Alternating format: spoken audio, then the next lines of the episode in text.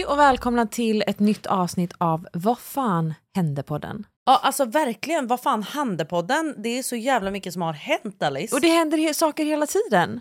Till exempel att mitt barn nu sover i ditt knä. Nej men alltså lite kramp, men man är ju odödlig. Jag, jag vet, och speciellt när man tittar ner och ser hur hon ser ut.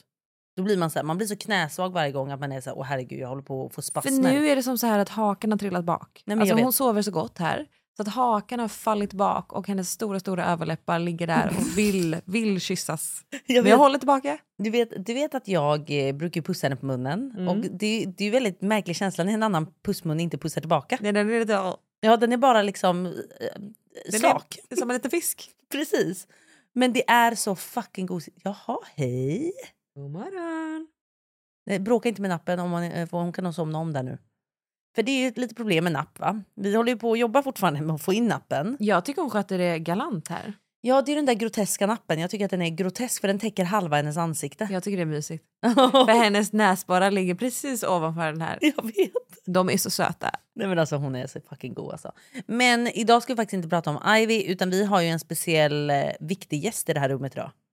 Alltså ni älskar henne så mycket. Mamma älskar henne. Alla dör för Golly. Vår Alla dör. älskade psykolog. För Golly. Ja, så välkommen in Golly! Hello! Hej älskling! Hej! Alltså äntligen! Om inte du har varit hyd hydris tänkte jag säga, för att jag brukar ju säga att det heter hydris. Eh, om inte du har fått hybris efter förra avsnittet när alla började dö för dig. Jag håller med dig, jag har fått hybris. Nej men alltså, Nej, jag du har fått så extremt Ja. mycket kärlek. De här avsnitten Ja. du har varit med i har blivit så likade. Mm. Alltså, Det är faktiskt mina det. personliga favoriter när det kommer till våra avsnitt. Men det är för att vi får utvecklas Alice. Vi lär oss. Vi, Vi får äntligen hjälp. det är liksom inte så var mycket, liksom en gratis det är inte så mycket vad fan hände utan nu börjar vi förstå vad det är som faktiskt händer. Ja exakt. Ah, Vi får äntligen svar på allt. och här Så. är Golly för att reda ut ännu fler frågor. Ja, för idag ska vi prata om eh, något som jag tycker är väldigt, väldigt intressant att prata om. Mm. Och det är självkänsla. Mm. Och det var ju du som faktiskt sa att vi döper det här till del 1 Mm och sen kommer alltså en del 2 längre fram. Ja, ja. Är det för att du verkligen vill komma tillbaka? Jag tror det. Är det för att Jag vill försäkra mig att jag har en plats här. Exakt. Jag har mer att säga. Exakt. Jag lovar. Nej, men, så vi börjar alltså med en del 1 och vad Ja. tänker de som lyssnar nu, vad ska de få höra idag? Jo, men jag tänker så här, varför vi sa också del ett är för att eh, begreppet är ju så, så stort. Mm. Och eh, jag tror att vi måste någonstans eh, eh, börja med att reda i det lite ytligt för att sen gå lite djupare. För jag tror att det kommer dyka upp säkert väldigt mycket frågor Mm. Efter det här avsnittet. Eh, där många känner igen sig. Det här är ju liksom ett av våra absolut största problem vi Mm. har i livet generellt. Och det är oberoende status, position, person, alltså alla vi genomgår låg och eh, stark självbild. Får jag fråga en grej som kanske är basic basic men vi kanske måste ändå börja där Mm. bara för att förstå. Vad är egentligen skillnaden på självförtroende och självkänsla? Jag tror Okej. att många blandar Mm. ihop de här två. Mm. Okej, så självkänsla, om vi börjar där så kan vi bara först och främst säga det att eh, i ren så terminologi så handlar det om hur du uppfattar dig själv. Mm. Så vad du har för självkännedom om dig själv och eh, vilken grundinställning du har till dig själv. Mm. Medan självförtroende handlar om egentligen hur du presterar, alltså vad du gör. Så man kan säga självkänsla är vem du är och självförtroende är vad du gör.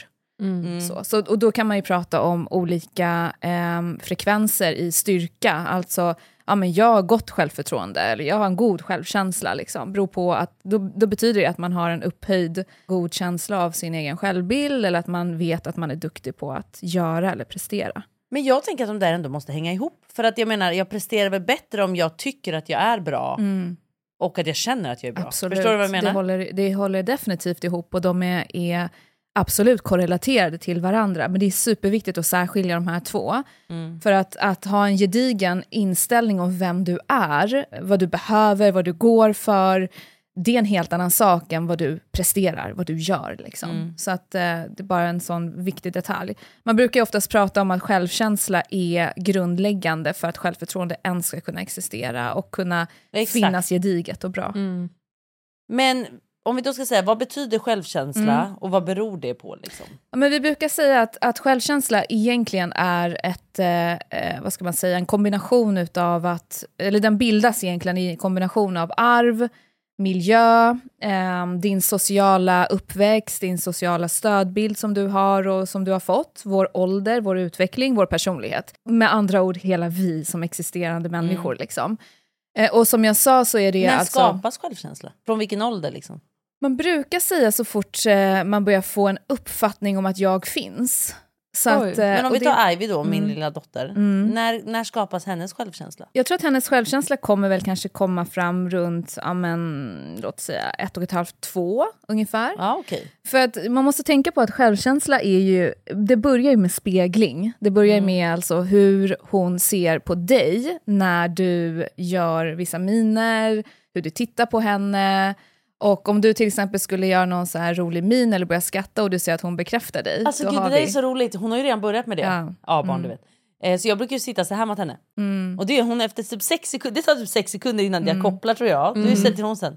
Jo men man säger det att speglingen är jättetidig. Ja, men hon, den börjar supertidigt. Ja. Och det är en grundförutsättning för självkänslan. Ja. Så där börjar ju hon utveckla en, en potentiell liksom, ja, men, självbild så småningom. Så självkänslan har ju egentligen extremt mycket då med sin uppväxt att göra. Det har mycket med uppväxt att göra, det är en, en av komponenterna, absolut. Men det finns massa andra komponenter som också är superviktiga. Till exempel ja, men om du har varit med om trauman, ja, men olika situationer, livshändelser i livet som man kan gå igenom som kan verkligen påverka självkänslan, på gott och ont faktiskt. Men om du skulle säga då, vad innebär en god självkänsla? Mm. Så här, en, en försvagad, om vi börjar där, för att bara liksom först eh, benämna det. Så en försvagad självkänsla kan både vara att man underskattar sig själv, och då menar jag att man har mindervärdeskomplex, eller att man överskattar sin personlighet. Så bara så markera det, alltså försvagad handlar om att underskatta och överskatta. Och överskatta menar jag då att man är, eh, ja men du vet, man överskattar sin person, sin kompetens, sin kapacitet, lite så att man blir grandios, eller lite storhets... typ. Precis, lite Mm. narcissistiska tendenser. Jag säger inte personlighet, det är Nej. skillnad. Så tendenser, alltså lite storhetsvansinne helt enkelt. Men man, när man pratar om försvagad självkänsla så är det båda de här två kategorierna inräknade i det. Så med andra ord, så, om vi vet det, så kan vi säga att en god självkänsla då innebär att du vet vem du är, du vet vad du behöver, du vet vad du vill, du vet vad du känner, du står upp för dig själv.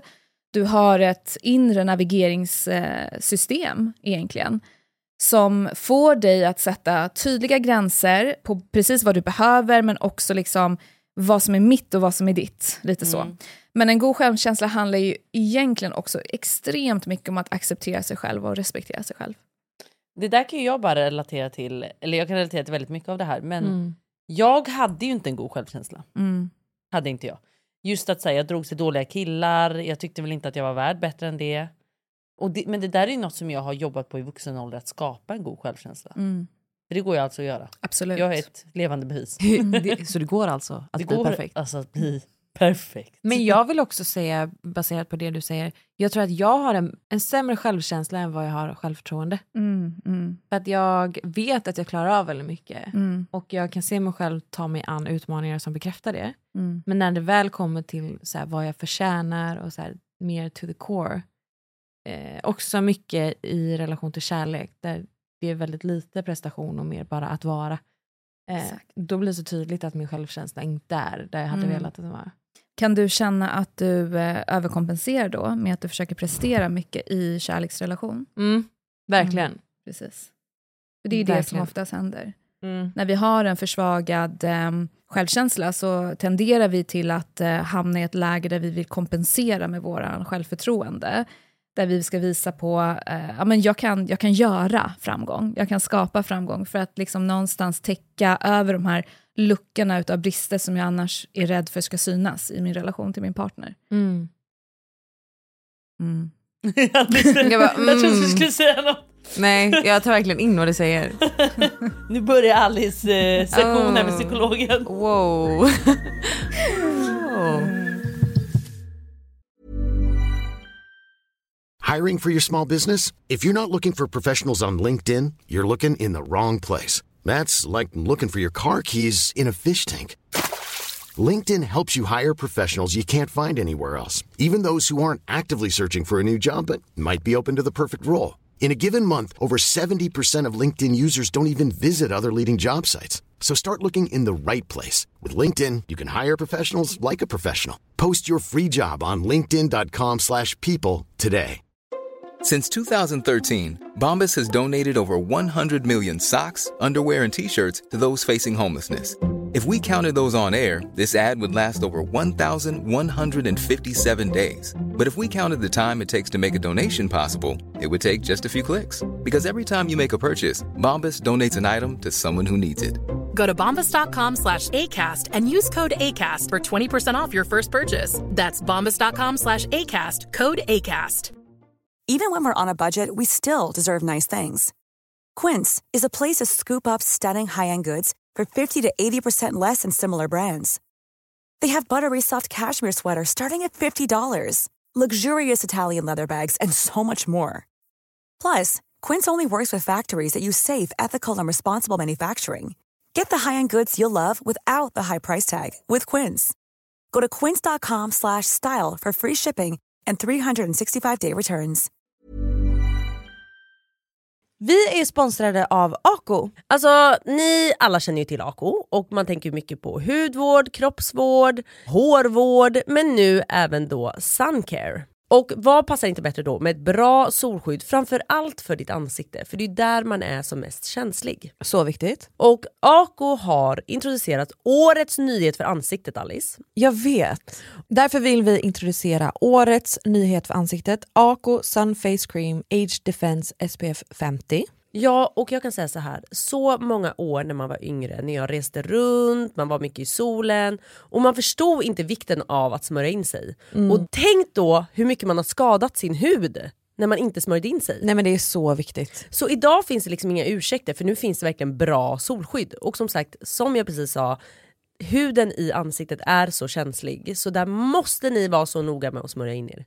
Och det som är så bra med den här produkten är att den ger omedelbart skydd mot solens UVA och UVB-strålar, vilket är superviktigt. Mm. Och den absorberas snabbt in i din hud. Och det tycker jag är viktigt. Mhm. För att man vill inte ha någon som ligger där och känns som liksom en kaka på huden eller som börjar rulla. Exakt. Och den innehåller ju även niacidamid och det är ju mot pigmenteringar och Mhm. ökar ju hudens liksom elasticitet. Och hyaluronsyra som återfuktar på djupet. Exakt, så det här är så mycket mer än bara en solprodukt. Och den passar alla hudtyper, inklusive känsligare hud som jag har.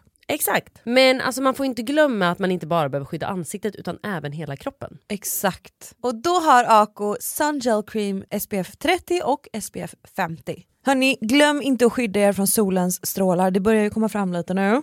Ja, vi kan väl hoppas att det fortsätter så. Och det gör ni bäst genom sök skugga, använd keps, hatt eller solglasögon och självklart SPF. Och sist av allt, just nu har Kronans Apotek ett erbjudande på alla Ako solprodukter. Besök Kronans Apotek, butik eller online. Tack Ako för att ni är med och sponsrar vår podd. Tack Ako! Men man kan ju också säga så här att eh, när jag sa försvagat självkänsla eh, och jag sa mindre värdeskomplex så handlar det ju egentligen om att vi, vi förminskar oss själva. Vi blir, eh, ja, men, vi blir rädda, oroliga, ängsliga såklart men vi är extremt kritiska mot oss själva. Och rädda för att misslyckas och vi strävar efter perfektionism, precis det här vi är inne på i egentligen mycket av vad vi gör och vilka vi är. Och ofta så känner vi ju enormt mycket liksom starka känslor av skam, att eh, ja, men det är fel på mig, eller skuld. Liksom. Åh nej, jag, jag borde ha gjort så här istället. Eh, och vi har verkligen svårt att eh, också liksom prioritera våra egna behov och vi har svårt att sätta väldigt tydliga gränser för att liksom både känna oss omtyckta av andra men faktiskt också omtyckta av oss själva. Så det här är ju liksom, som ni hör, så är det här grunden egentligen till att vi ska kunna existera i relationer och ha det bra och ha sunda, varaktiga, kompletta relationer. Och som jag också säger så innebär det här inte att ja, men bara för att jag har en stark självkänsla så är jag färdig. Absolut inte.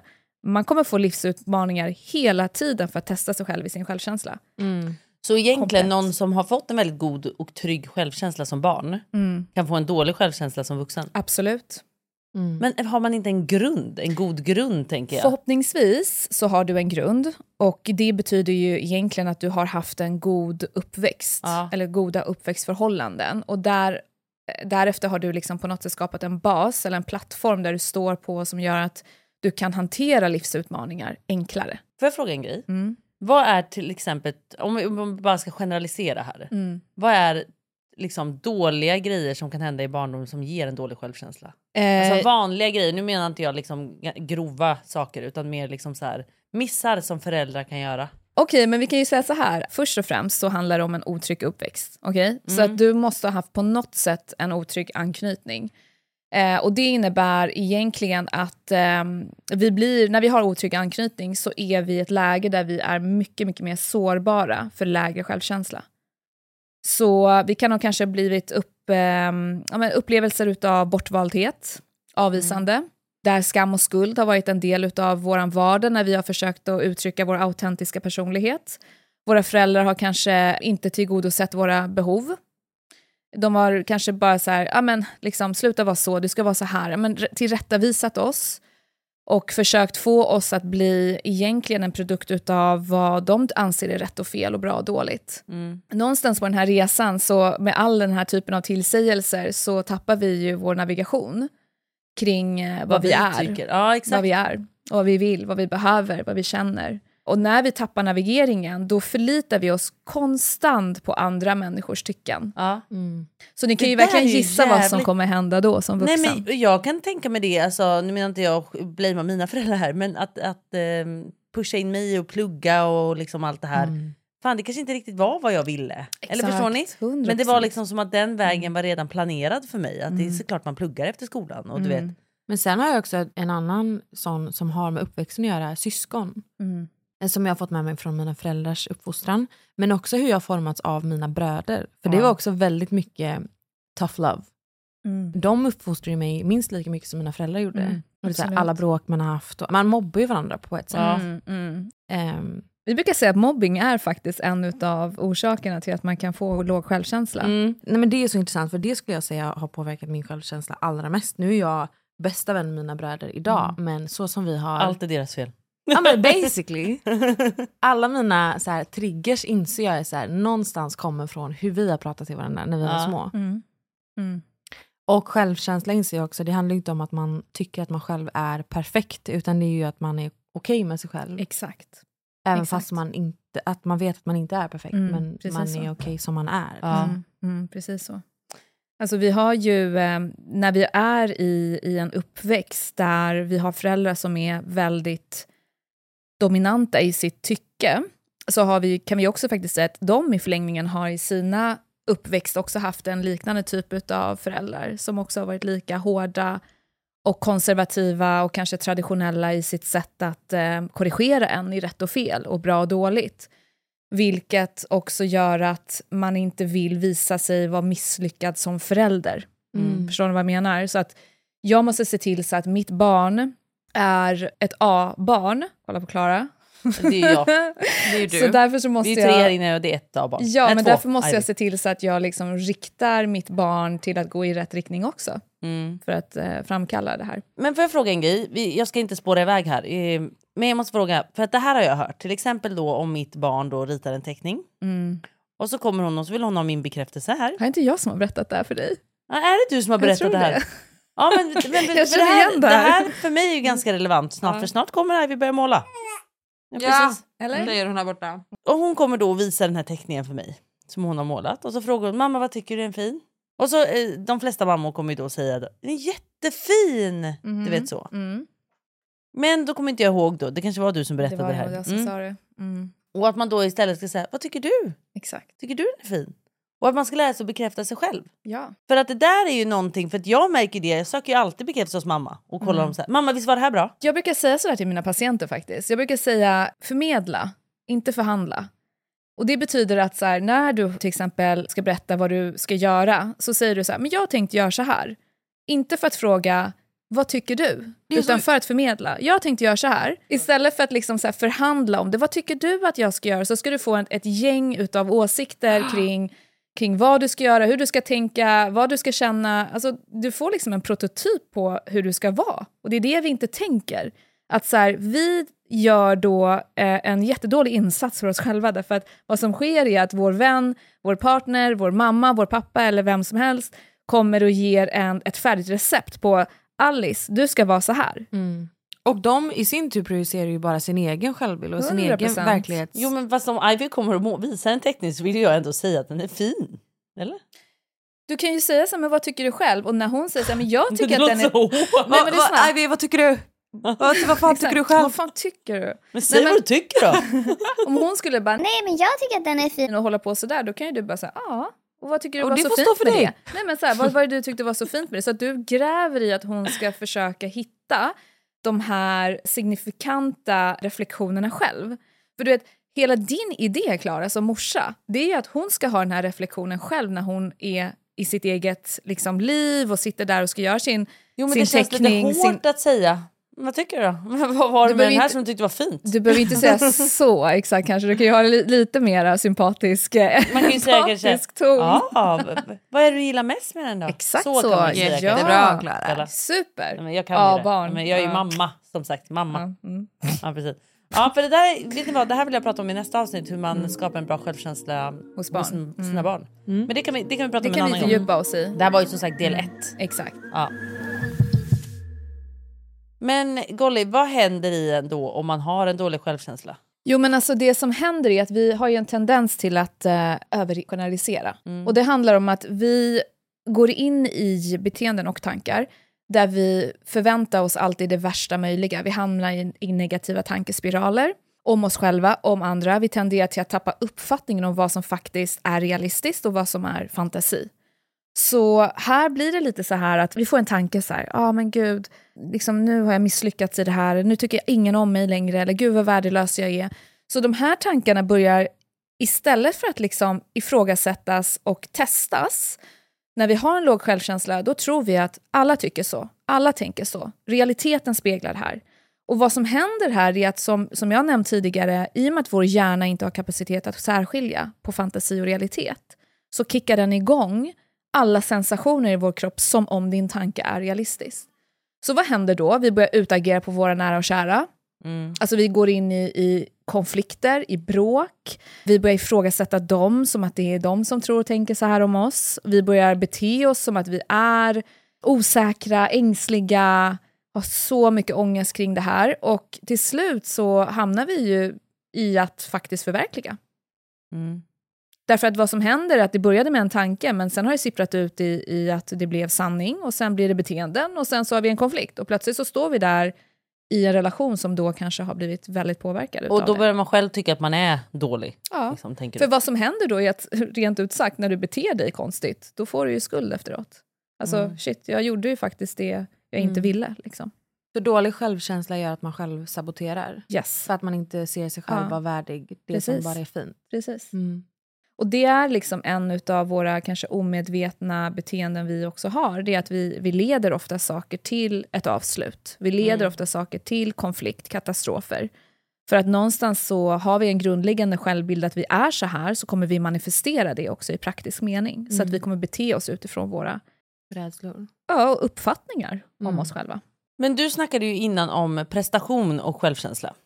Vad menas med alltså, prestationsinriktad självkänsla? Jo, men alltså så här, om vi har en försvagad självkänsla så vill vi ju väldigt gärna ha omgivningens bekräftelse och Mm. validering. Och eh, vi vet också att när en person har en, en superlåg självkänsla så spelar typ inte egentligen omgivningens roll särskilt stor roll. Alltså det bara Nej. rinner ur, ur ut oss. Liksom.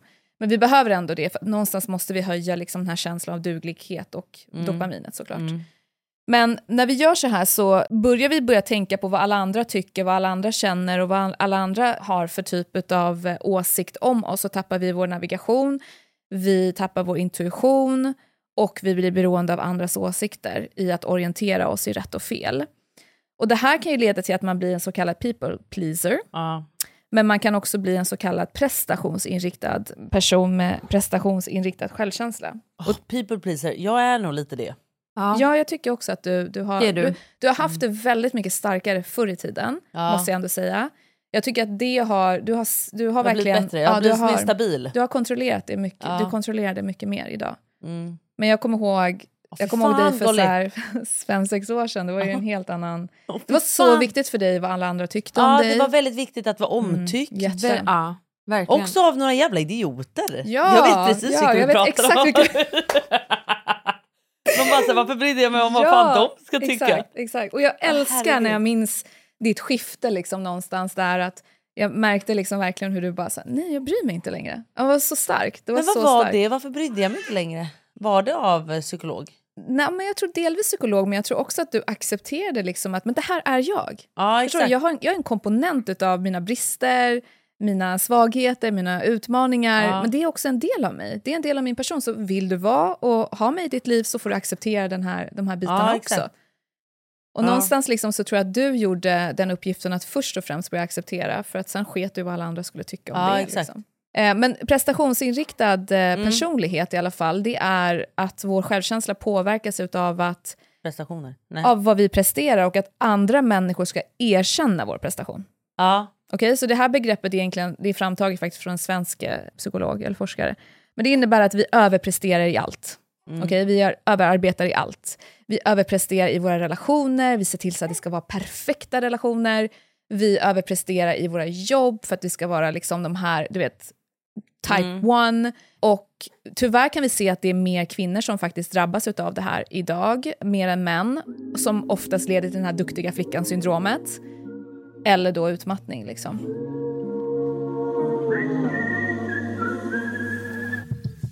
Men du Golly, hur skulle du säga att det här Hur skulle du påverkar... säga att jag är? Jag som då inte är ett A-barn. Eh, nej men i relationer så här, i vuxen ålder, hur Mm. påverkar självkänslan i relationer Ja. om den är dålig? Jag vet inte om ni minns det vi pratade om förra, eh, första avsnittet som vi hade.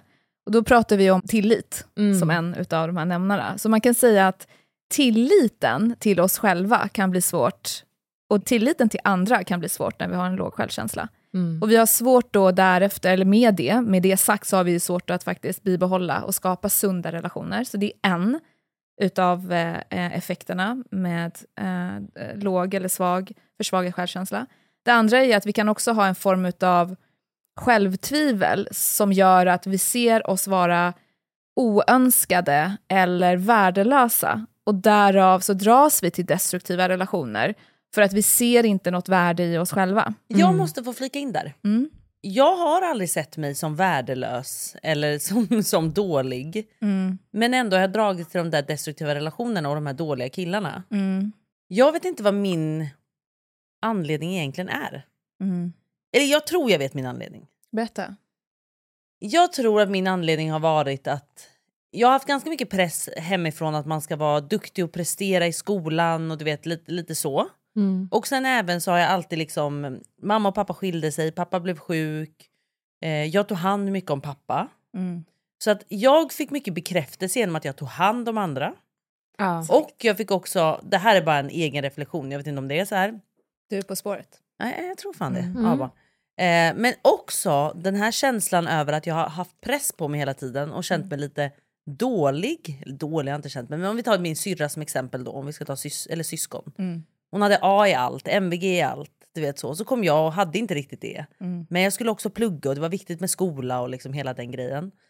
Och då träffar jag killar, och det här låter jätteelakt att säga det, men då träffar jag killar som kanske var lite under mig, om man får säga så. Mm. Alltså de skulle, pluggade ingenting, det var typ killar som inte ens gick ut skolan, inget fel med det. Men om man jämför då i prestation, liksom, Mm. så kände jag mig duktig jämfört med dem hela tiden. Den här känslan som jag kanske inte kände annars. Mm. Eh, och också jag fick ta hand om dem. Exakt. Eh, ja, men jag vet inte. Jag så en bara att- kombination egentligen. en kombination, exakt. Men jag visste ju hela tiden att jag var värd mer när de var Mm. otrogna gång på gång. Och så här. Jag visste ju det. Så min självkänsla Mm. låg inte i att jag kände mig värdelös. Men sen ser jag också en koppling i att du behövt eh, prestera för att få din kärlek och bekräftelse. Ja. Om du dessutom hittar en partner som är väldigt ambivalent i sin bekräftelse och du känner att du behöver göra saker eller vara någon för Mm. att de ska vilja ha dig och fortsätta bekräfta dig. Mm. Det blir också väldigt prestationsbaserat i relation till dem du dejtar. Mm. Precis så. Och det är väl exakt där jag tror eh, hela poängen ligger i. att Du har ju träffat killar, precis som du säger, som har varit lägre än dig i eh, intellektuell mening Ja. och emotionell intelligens. Mm. Och eh, vad jag vill säga med det är att eh, vad som har egentligen hänt med dig också delvis, det är att du har ju repeterat dina, dina anknytningsmönster. Ja. Så du har haft föräldrar som du, ett, har behövt prestera inför, två, behövt hjälpa. Så mamma, pappa. Mm. Och du kan ju verkligen om du Alltså jag tittar vill på också det... flika in med att jag det låter så jävla hårt. Nej, Ja, men, alltså, så nu pratar jag vi, med. Alltså, Ja, nu pratar vi, alltså, vi pratar ju om, om det som är utmaningen. Sen vet Mm. jag hur fantastiskt kärleksfulla dina föräldrar har varit, för att du är en väldigt trygg person i grund och botten. Men det här är ju de bitarna som man kan se relationellt sett, att du har dragits till män som har speglat de här två utmaningarna som du egentligen haft i din uppväxt. Så det ena är ju som sagt prestation, som Alice var inne på, det andra är hjälpa. Och det som jag tror är kombinationen här, det är också att när du har träffat en kille som har varit kanske lite lägre än dig i olika eh, förhållningssätt, Aspekter, ja. aspekter, så har ju det här också tenderat till att du har jagat efter resultat och framgång för att uppnå den här ständiga bekräftelsen. Så till exempel, ja, men han var otrogen. Där hade ju du, om ditt självvärde hade varit tillräckligt högt så hade du bara sagt, men vad fan är det här? Hej då, liksom. Jag förtjänar mer. Men ändå stannar du kvar. Så någonstans är det så här, nej just det, jag måste göra bättre ifrån mig. För jag måste vara mer, jag måste vara det här. För att genom det så har du också i din familjesituation fått för dig att ju mer du presterar desto mer kärlek kommer jag få. Ju mer du gör desto mer kärlek kommer du inhämta från ditt familjesystem. Så det här blir då en prototyp att i relationer så gör du samma sak, du stannar kvar. Du stannar kvar fast du vet att det här egentligen är helt fel. Ja. Så det är det här som blir liksom din utmaning, att eh, nu, tack och lov, så har inte du de typen av eh, turbulenser i ditt liv. Nej. Men det här är ju någonting som jag tror många personer måste börja ifrågasätta, alltså sina relationer till sina liksom, vårdnadshavare från första början för att förstå att vi kommer spegla. Vi kommer spegla dem i våra relationer till partners, punkt slut. Hiring for your small business? If you're not looking for professionals on LinkedIn, you're looking in the wrong place. That's like looking for your car keys in a fish tank. LinkedIn helps you hire professionals you can't find anywhere else, even those who aren't actively searching for a new job but might be open to the perfect role. In a given month, over 70% of LinkedIn users don't even visit other leading job sites. So start looking in the right place. With LinkedIn, you can hire professionals like a professional. Post your free job on linkedin.com/people slash people today. Planning for your next trip? Elevate your travel style with Quince. Quince has all the jet setting essentials you'll want for your next getaway, like European linen, premium luggage options, buttery soft Italian leather bags, and so much more. And is all priced at 50 to 80% less than similar brands. Plus, Quince only works with factories that use safe and ethical manufacturing practices. Pack your bags with high-quality essentials you'll be wearing for vacations to come with Quince. Go to quince.com slash pack for free shipping and 365-day returns. Wow! Nice. Yeah! What you're hearing are the sounds of people everywhere putting on Bombas socks, underwear, and t-shirts made from absurdly soft materials that feel like plush clouds. Yeah, that plush. And the best part? For every item you purchase, Bombas donates another to someone facing homelessness. Bombas. Big comfort for everyone. Go to bombas.com slash ACAST and use code ACAST for 20% off your first purchase. That's bombas.com slash ACAST. Code ACAST.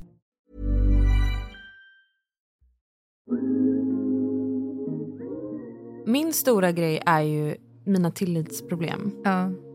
Och det har alltid varit med mig. Alltså Jag har Mm. i alla relationer haft svårt att lita på idén av att någon skulle vara lojal. Mm. Och det måste ju vara ett resultat av min svaja, svajiga självkänsla. Mm, absolut. Och jag vet liksom inte riktigt om jag någonsin kommer bli av med det. Mm. det är alltså så starkt känner jag för det. Att så här, Mm. Även om jag litar på att personen jag är med är kär och du vet, så här, dör för mig och vill bara vara med mig så har jag också svårt att så här, se att om den är liksom i en situation där du vet allt... Och du vågar inte till 100% säga så här att den kommer vara trogen. Nej, för kom- hur, hur vet man det liksom? Mm. Man vet ju inte det. Fast det, det känner jag. Alltså det är klart att jag inte kan veta att John kommer vara trogen. Men jag är fan så jävla säker på det. Vi kan säga så här, man är ju säker för, i alla fall till en hög procent, om man har valt en person som är väldigt trygg, så är man ju säker på att den här personen har en goda värderingar, ja, men är liksom ändå på, ett, på en trygg plats eller har en god botten att stå på. Men Du har ingen aning om en livssituation kan hända en person vilket kan göra att den kan tappa totalt Mm. sitt beteende. Det vet vi inte. Men så är det ju absolut. Mm. Nu utgår jag bara ifrån att allt är som vanligt. Absolut. Om allt är som vanligt så har ju du en förutsättnings... eh, Du kan ändå dra lite förutsättningar kring hur en Mm. person kommer bete sig. Det finns ju ganska tydlig liksom, ja, men förväntan man kan ha på en människa.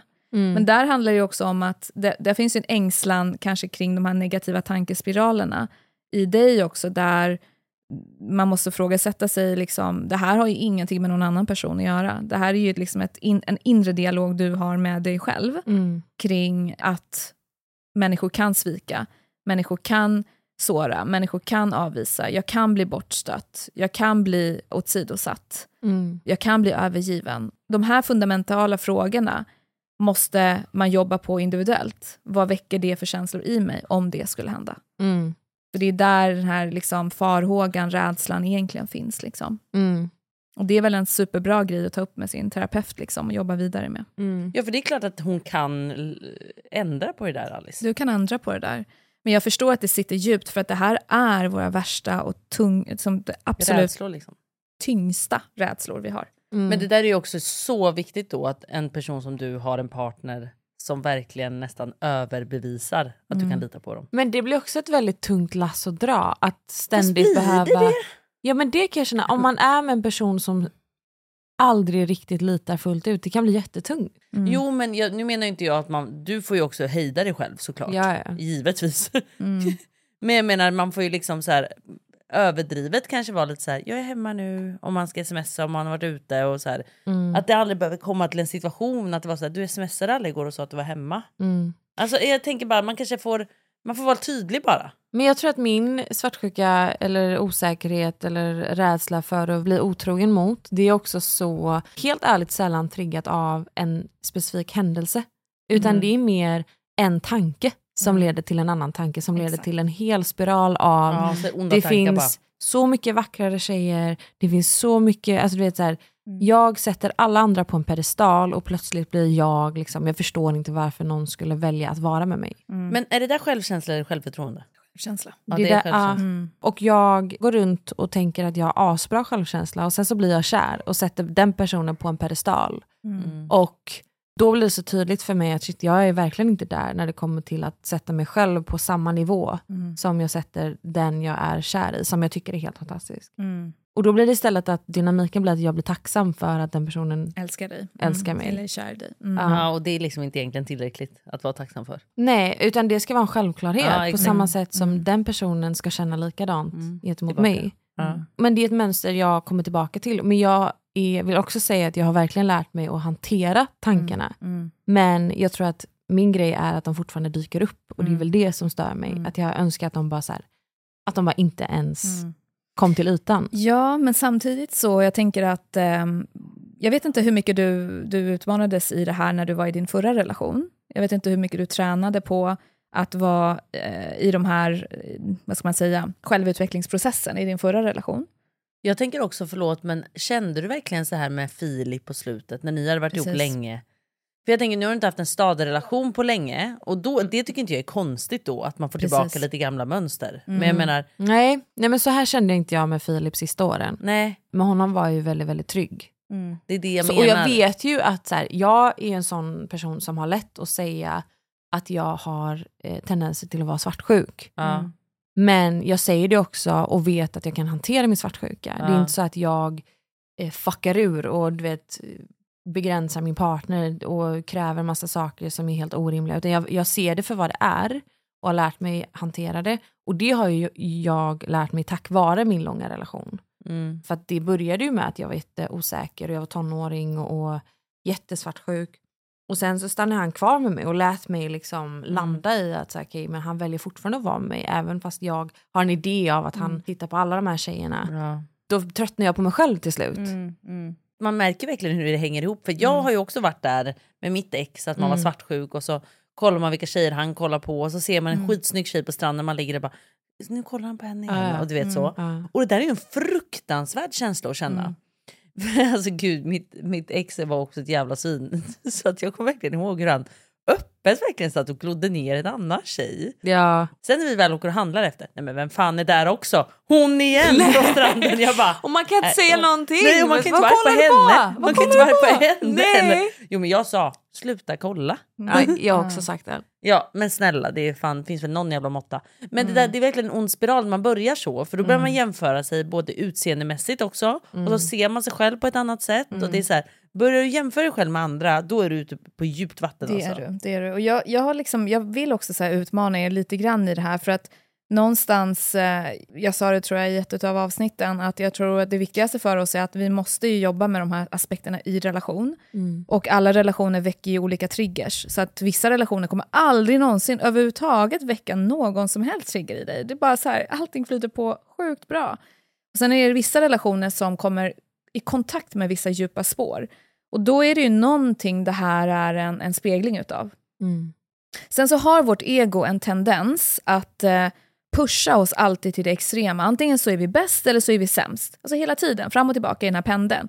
Och det finns en, en viktig poäng i att utmana oss själva i att frågasätta vad det också är som vi finner tryggt i det här absolut sämsta.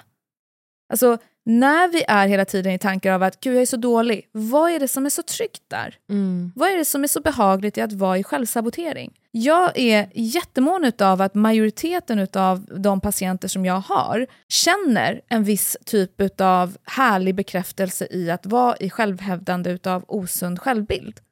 Ja. Tyvärr. Jag tänker ju att varför man väljer att vara där Mm. är ju för att det är den lättare vägen att gå. För att då har du mindre att förlora. Det är klart han gör slut, jag är Man blir dålig. inte besviken Eller förstår då. ni vad jag menar? Precis. Nej, exakt. Mm. Vad du har gjort är att du har på något sätt skapat en form av förberedelse inför katastrofen. Då har du någonstans försäkrat dig om att okej, men om han gör, om han gör då, är, då är jag liksom redan förberedd. Då har jag redan koll på mig själv. Liksom. Exakt. Då vet jag redan att hur det kommer bli, då vet jag vad jag kommer känna, då vet jag hur det kommer alltså, vara. Men problemet är som jag sa, att när du går in i de här tankesätten så manifesterar du verklighet i det. Ja. Och det är inte någon så här uh, hokus pokus eller flum jag pratar om, utan jag pratar om hjärnan just nu. För att den kan inte skilja på att det här är bara en fantasi. Men vad hade du gett för tips till mig då i den situationen jag är i med trust issues? Jag hade sagt att det du är i är alldeles precis där du ska vara. I den relationen som väcker alla de här triggerserna, det är exakt där du ska vara för att träna på att exponeras för det. Oh no! Fy fan, fy fan. Det, sista, det sista man Det vill sista ha. hon ville höra. Ja. men, men också gåshud. För att eh, Mm. livet ska ju vara, alltså man, man ska ju våga testas. Mm. Det är ju, ett Ja. alternativ är att stänga av. Exakt. Och då känns det som att man inte vågar leva fullt ut. Men också Alice, en annan sak jag också vill säga just apropå självkänsla som är kopplat till det du säger, det är att en av vår utmaning här är att när vi säger så här, men jag måste, bara, jag måste jobba på det här, eller jag måste lära mig att älska eh, mig själv. Det viktigaste frågan är att ställa sig vilken del av sig själv. Alltså, vilket själv ska jag älska? Så här handlar det någonstans om att självkänslan, precis som du sa i in the beginning här i, i podden, är att älska sig själv och hålla sig själv trots sina brister. Mm. Så trots de här, ja, men jag är ibland svartsjuk. Mm. Ja, men jag har de här triggerserna. Ja, men jag blir så här, så här. Ja, men jag kommer älska mig själv trots det. Ja. Ja, att inte börja gå in i de mörkare. Att inte välja vilken sida av sig själv man vill älska. Nej, exakt. Att älska helheten. Liksom. Ja. Mm. För du har ju många fina sidor Alice. Tycker du det? Berätta allt. Ja, så jag börjar med ditt eller? Precis. För att liksom runda av det här del 1 avsnittet så vill jag bara fråga dig så här. Vad kan man göra för att få en bättre självkänsla? Lite quick fix. Finns det några quick fix? Psykologen Golly. Nej, det finns inga quick fix tyvärr. Eh, det här är en, en livslång resa och som jag nämnde, liksom, självkänsla är någonting som vi kommer svaja i ganska mycket i våra liv. Och någonstans måste vi ha en, en rättvis uppfattning om det. Men jag kan väl ändå säga så här att vi kanske behöver någonstans börja utforska först och främst våra anknytningsmönster för att eh, lägga grunden är att analysera den aspekten. Det vill säga, vad har vi haft för typ av, av anknytning? Vilken typ av vårdnadshavare har vi levt med? Hur har de visat kärlek? Hur har de speglat oss? Vad gör vi med det i våra relationer till våra partners? Vilka relationer har vi valt att vara med? Vilka personer har vi valt att utveckla och utforska och utmana våra liv med? Så jag tror att vi måste börja någonstans där. Sen så tror jag också att det är jätteviktigt att ställa sig själv vissa frågor och de frågorna tänker jag att vi kanske ska gå in lite mer djupare i del två. Mm. Men bland annat så handlar det om att eh, vara lite mera, ja men djupdyka i att förstå hur ens självkänsla faktiskt manifesteras. När är jag kritisk mot mig själv? Hur tar jag ansvar för det? Alltså på vilket sätt pratar jag med mig själv, till mig själv? Vilka tankegångar och eh, dialoger har jag i mitt inre? På vilket sätt eh, agerar jag gentemot andra? Det här som vi var inne på. Ber jag andra om hjälp eller måste jag klara allting själv? Det är också en så här klassiker när det gäller självkänsla. Att man inte ber om hjälp till exempel. Ber jag andra för mycket om hjälp? Ber jag andra för mycket om råd? Ber jag andra om för mycket åsikter? Varför gör jag det? Litar jag inte på mig själv? Och kan jag inte guida mig själv så kommer andra ha alldeles för stark betydelse för oss. Jag vill också bara poängta ut en sak här som jag tror också är viktig för lyssnarna att ha med sig och det är att när vi blir väldigt angelägna om att andra ska tycka om oss och vi har en partner som vi gör alltid alldeles för mycket för, det vill säga att vi ger sjukt mycket av oss själva, mer än vad vi ger till oss själva. Så vi är mer måna om vad han behöver eller vad hon behöver, vad hon känner, vad han känner och så vidare. Det här pratade vi om i första poddavsnittet. Men vi får inte heller glömma bort att partnern har inte valt att bli tillsammans med en kopia av sig själv. Mm. Så han eller hon har inte valt att få allting serverat till, liksom, ja men jag gillar pizza, ja jag gillar också pizza, men du gillar egentligen hamburgare. Nej men nej pizza, för du gillar pizza. Det där är Alltså, Ian jag med menar- Caspian. jag menar bara, det var en så här skitknasig exempel, men ni förstår vad jag menar. Ja. Att så här, vi är unika individer. Vår partner har valt oss för att Vi ska den vara personen unika. jag vill ha den här intrycket av någonting annat än sig själv i sitt liv. Annars hade den ju väl valt att vara med sig själv, Exakt. ensam. Liksom. Det är dock jävligt bekvämt när någon väljer pizza när man själv är sugen på pizza. Ja, du gillar det. Den Ja, är jag ju det. underbar. Mm, Liksom. Den är underbar. Mm. Men ja, förutom det, Förutom det. så stå för vem ni är. Ja, men att, att inte eh, göra avkall på sig själv och ändra på sig själv för att man Passar tror att ja, någon Mm. vill ha något För att annat. man ska bli likable. ja. Och det är ju precis den här prestationsgrejen som vi pratade Ja, om, att liksom people pleasing och duktiga flickan och eh, Mm. att prestationen tar alldeles för mycket över i relationen. Så att vi blir en produkt av vad vår omgivning vill ha oss till. Mm. Och det där är liksom, där tappar vi vår autenticitet. Så vad är vi då? Mm. Vilka är vi då? Det är klart vi tappar, vilka, eh, vi tappar vår självkänsla. Gud, det här är så intressant. Men ska vi runda av där och säga att vi Att det kommer en del två? Ja, ännu mer i del två? Ja men precis, och jag tänker typ att vi kan prata mer om hur man väljer destruktiva relationer. Vi kan gå in i det mer Ja, relationellt. hemskt gärna. Ja, Alltså, nu, jag är ju proffs på det där. Jag Ja. kan ju också komma in med väldigt mycket åsikter. precis. Och jag behöver alla tips jag kan få. Ja, nej, men det är toppen. Vi behöver varandra helt enkelt. Ja. Nej, men vet ni vad? Det, det blir ju faktiskt ett del två som vi har pratat om. Golly, känner du dig klar med dagens del ett? Jo men jag tycker det. Jag tycker Ja. det är lite smakprov på vad Mm. vi kommer liksom djupdyka i. Så marinera det här Mm. och så tar vi med det in i nästa del två. Ja, och vill ni följa Golly på Instagram så är det ju Jarandpour. Vi lägger in hennes Instagram på vår Instagram som ni självklart följer hoppas jag. Ja. Eh, och gå in och följ henne om ni har frågor att ställa och hon tar ju även emot nya patienter. Mm. Eh, men det där får ni ta med Golly på Instagram helt enkelt. Och vet ni vad? Tack för att ni har lyssnat idag och tack Golly för att du Tack kom igen. själva. Och sen ser jag fram emot en del nummer två. Jag med. Vi hörs nästa vecka. Det gör vi. Puss Hej då!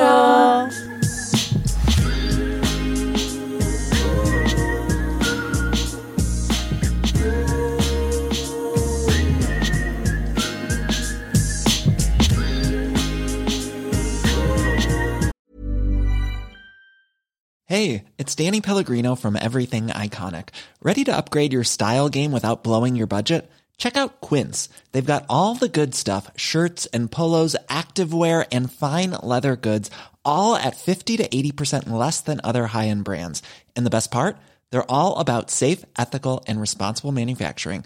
Get that luxury vibe without the luxury price tag. Hit up quince.com slash upgrade for free shipping and 365 day returns on your next order. That's quince.com slash upgrade. Hi, I'm Daniel, founder of Pretty Litter. Did you know cats tend to hide symptoms of sickness and pain? I learned this the hard way after losing my cat, Gingy. So I created Pretty Litter, a health monitoring litter that helps detect early signs of illness by changing colors, saving you money and potentially your cat's life. Pretty Litter is veterinarian developed, and it's the easiest way to keep tabs on your fur baby's health right at home. Go to prettylitter.com and use code ACAST for 20% off your first order and a free cat toy. Terms and conditions apply. See site for details. Planning for your next trip? Elevate your travel style with Quince. Quince has all the jet setting essentials you'll want for your next getaway, like European linen, premium luggage options, buttery soft Italian leather bags, and so much more. And is all priced at 50 to 80% less than similar brands. Plus, Quince only works with factories that use safe and ethical manufacturing practices. Pack your bags with high-quality essentials you'll be wearing for vacations to come with Quince. Go to quince.com slash pack for free shipping and 365-day returns.